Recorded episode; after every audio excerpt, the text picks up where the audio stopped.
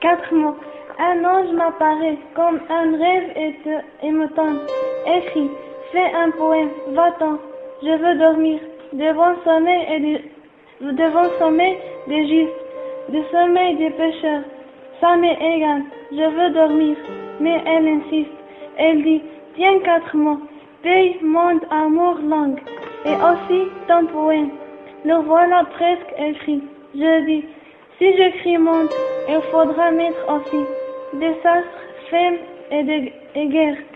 Si j'écris paix, j'entre dans le ter territoire faux, des lettres et des fantômes. Si j'écris langue, c'est Dieu, cela m'arrache l'âme. Je ne peux plus écrire, elle dit.